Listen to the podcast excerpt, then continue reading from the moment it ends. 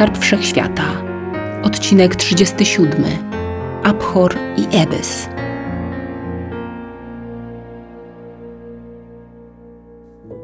Tej nocy Gloria nie mogła zasnąć. Właściwie to nawet nie próbowała, w obawie przed sennymi koszmarami, jakie niewątpliwie by ją nawiedziły. Niesamowicie bała się o drugą wybraną, to znaczy o Linę. Nie, nie potrafiła się oszukiwać. Lina była dla niej przede wszystkim drugą wybraną, a ona lękała się przyszłości, w której z powodu idiotycznej wojny mogłoby zabraknąć jednej z osób powołanych do odnalezienia skarbu wszechświata. O przyszłość, w której sama miałaby stawić czoło hopperom. Stołówka była właściwie pusta. W końcówce terii pozostali tylko cywile i rehabilitowani żołnierze. Wielu ludzi poszło mimo wszystko spać, rozsądnie twierdząc, że ich bezsenność nie może wspomóc pobratymców walczących w obozie więziennym. Naprzeciwko Glorii, przy ich ulubionym stoliku, siedzieli Alba i Feliciano, oboje z kamiennymi wyrazami twarzy.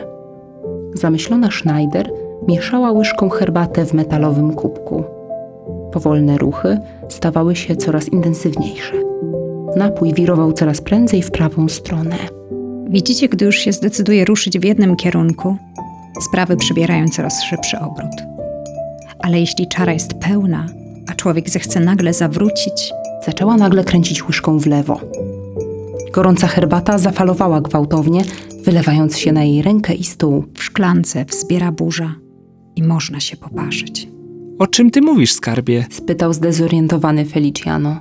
Mam złe przeczucia. Westchnęła Gloria. Podmuchała na zaczerwienioną skórę dłoni. Przez stołówkę przemaszerowało dwóch uzbrojonych mężczyzn.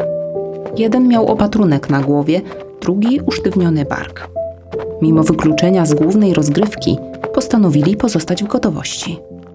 Gdy zamknęły się za nimi drzwi, do uszu trójki siedzących przy stole znajomych wdarły się przerażające krzyki i odgłosy wystrzałów. Paraliżujące dźwięki prześwidrowały mózgi i wstrząsnęły całymi ciałami.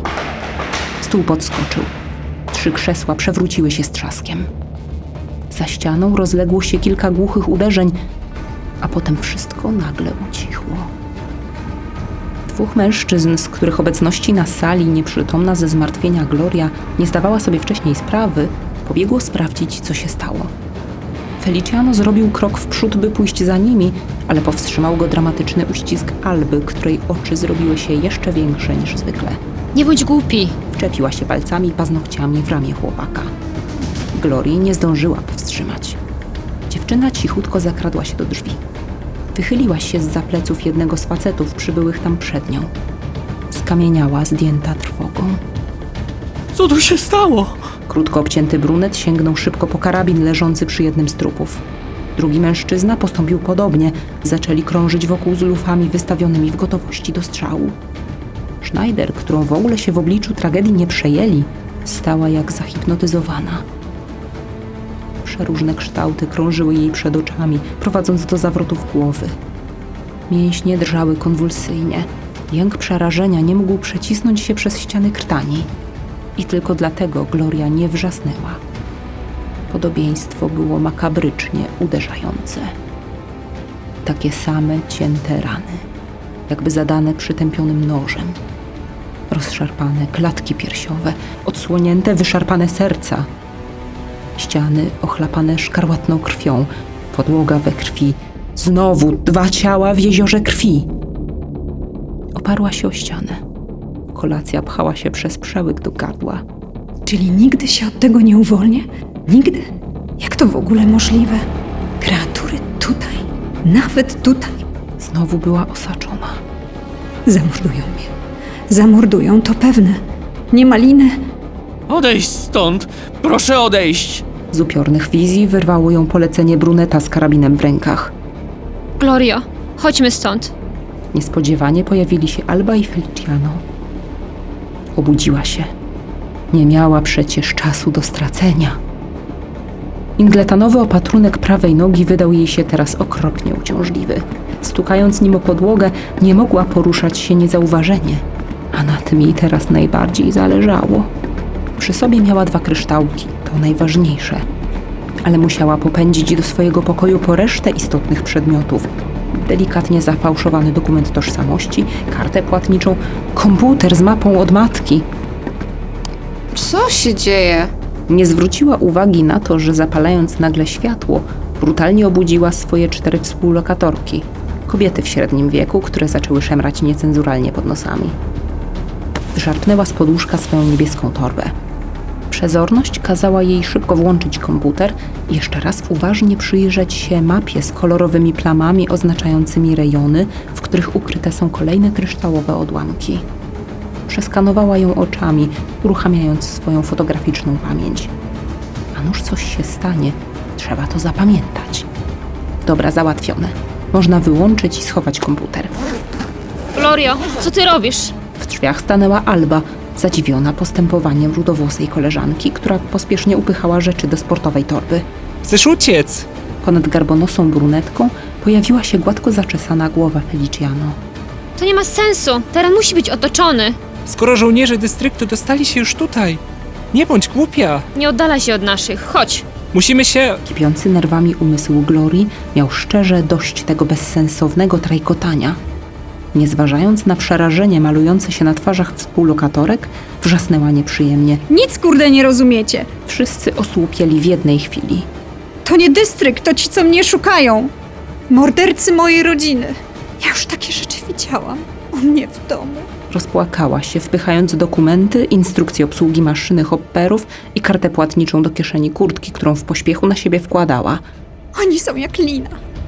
Piekielnie groźni. O czym ty mówisz? Nie zdołała odpowiedzieć. Ścianami zielonego pokoju wstrząsnął potężny huk. O tym mówię! Wiejemy! Rozkazała, zarzucając torbę na ramię i wypychając przestraszonych Albę i Feliciano za drzwi. Jedno zerknięcie na koniec korytarza po lewej stronie upewniło jej znajomych co do zbliżającego się niebezpieczeństwa. Jakiś człowiek nadleciał z zakrętu tunelu i uderzył o ścianę. Nie podniósł się. Po takim uderzeniu nikt się nie podnosi.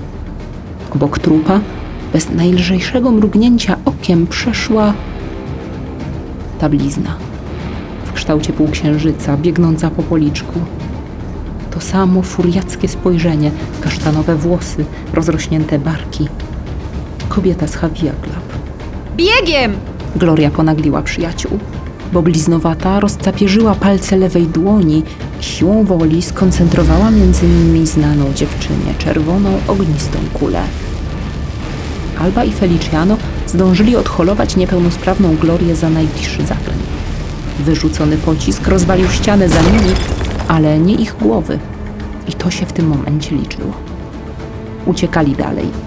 Pod wpływem wstrząsu zaczął sypać się tynk z sufitu.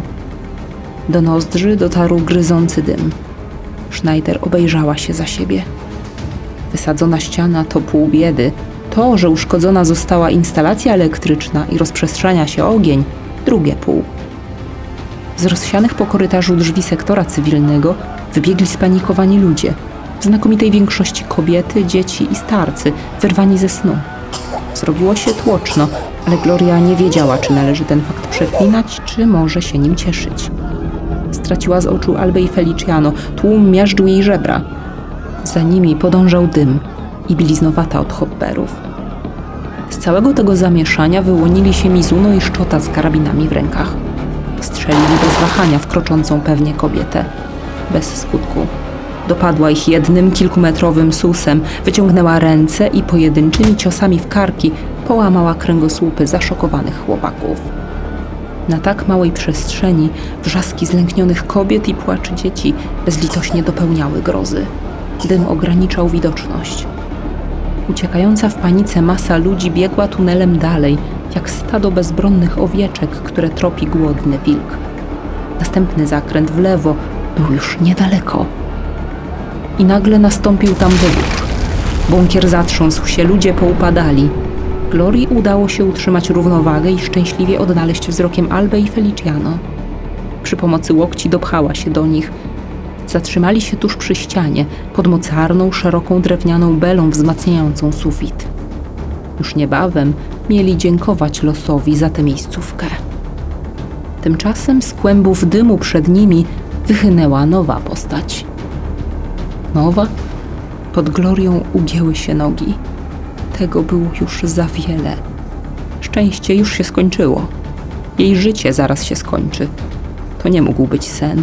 Najgorsze sny nie są takie złe. Gareth. Dokładnie ten sam dryblas. Kiedyś pomyślała, że on musi mieć coś koło dwóch metrów wzrostu.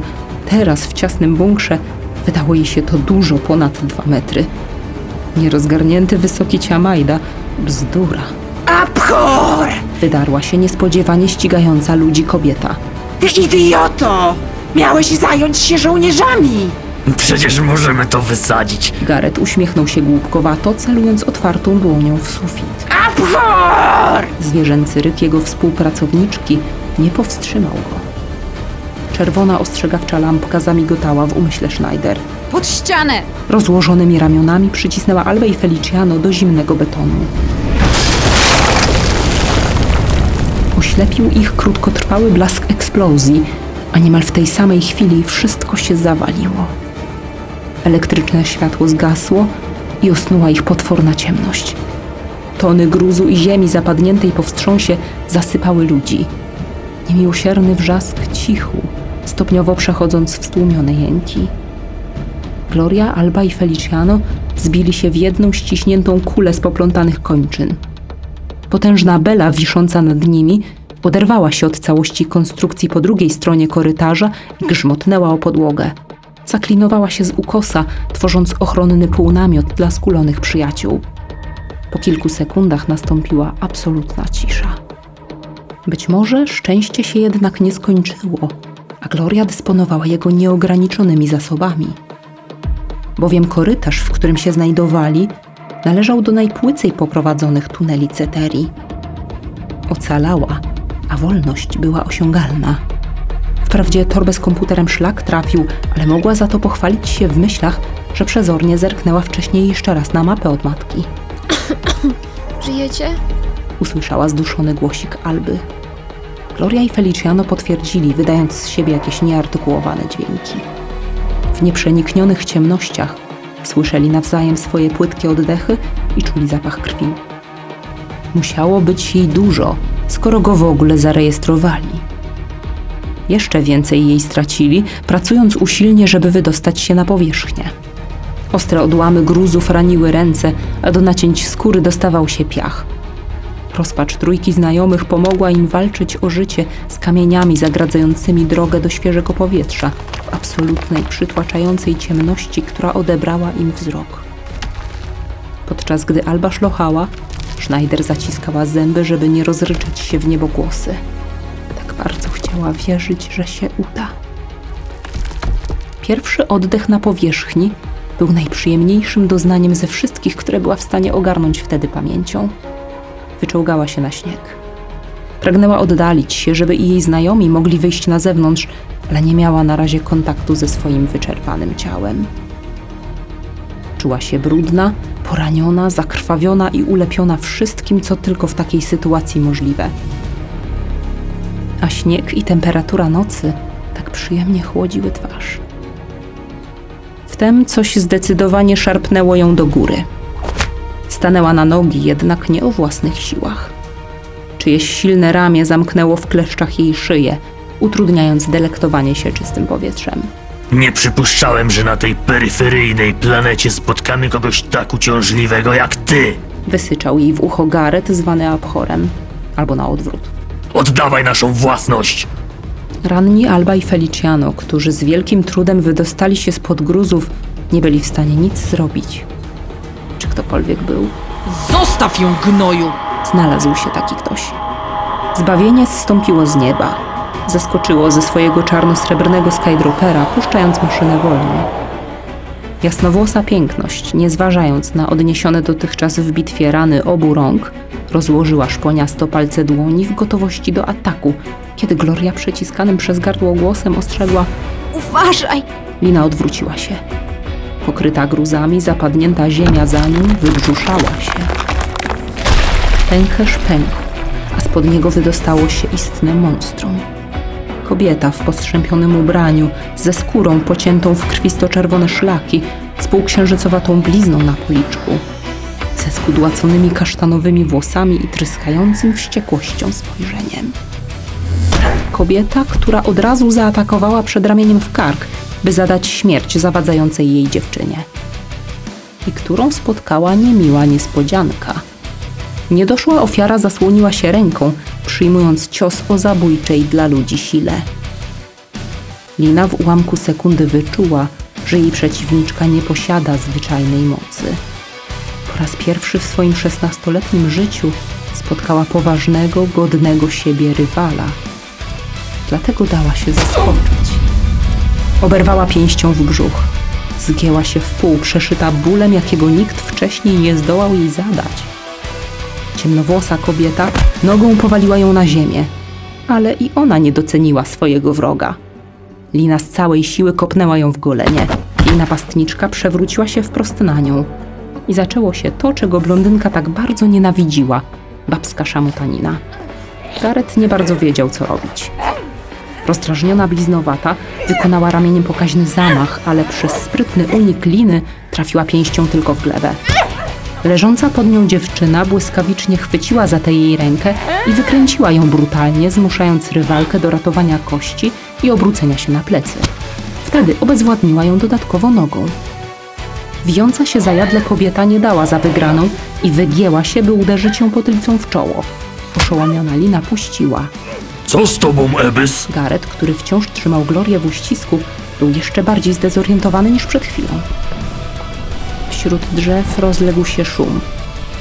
Zbliżały się wycofujące się wojska Ceterii i ścigające je oddziały dystryktu. Wśród panujących ciemności niczego nie było widać, ale słuch nikogo nie mylił. Odległość od obu armii malała. Kobieta z blizną podniosła się, gdy jej wspólnik krzyknął ostrzegawczo Za tobą! ale nie uniknęła ciosu. Zaszokowana obrotem spraw Lina skumulowała w sobie energię i walnęła splecionymi dłońmi w plecy przeciwniczki, popierając uderzenie wymachem całych rąk, aż od barków. Bo ona śmiała być silniejsza od niej. Bezładna Ebys odleciała na kilka ładnych metrów, uderzając w drzewo, które przełamała z trzaskiem i osunęła się z nim na ziemię. Schneider wydała z siebie cichy jęk przerażenia. Napastnik uwolnił ją, szykując się do starcia z niezwykłą blondynką. Upadła na śnieg. Czołgała się z unieruchomioną nogą, chcąc znaleźć się jak najdalej od zamieszania. Biały zimowy puch naznaczała ścieżką z upływającej krwi. Słyszała wołania Alby, która nie mogła dać sobie rady z dźwignięciem poważniej rannego Feliciano, ale nie zareagowała. Nad wszystko przedkładała teraz ucieczkę. Wspinała się na czworakach, żeby wydostać się z zapadliska. Tymczasem Lina rozpoczęła swój pojedynek. W swoim niewiarygodnym tempie podbiegła do dwumetrowego mężczyzny i z wyskoku kopnęła wysoko w bok jego szyi. Lecz trafienie z serii absolutnie śmiertelnych nie zrobiło na nim wrażenia.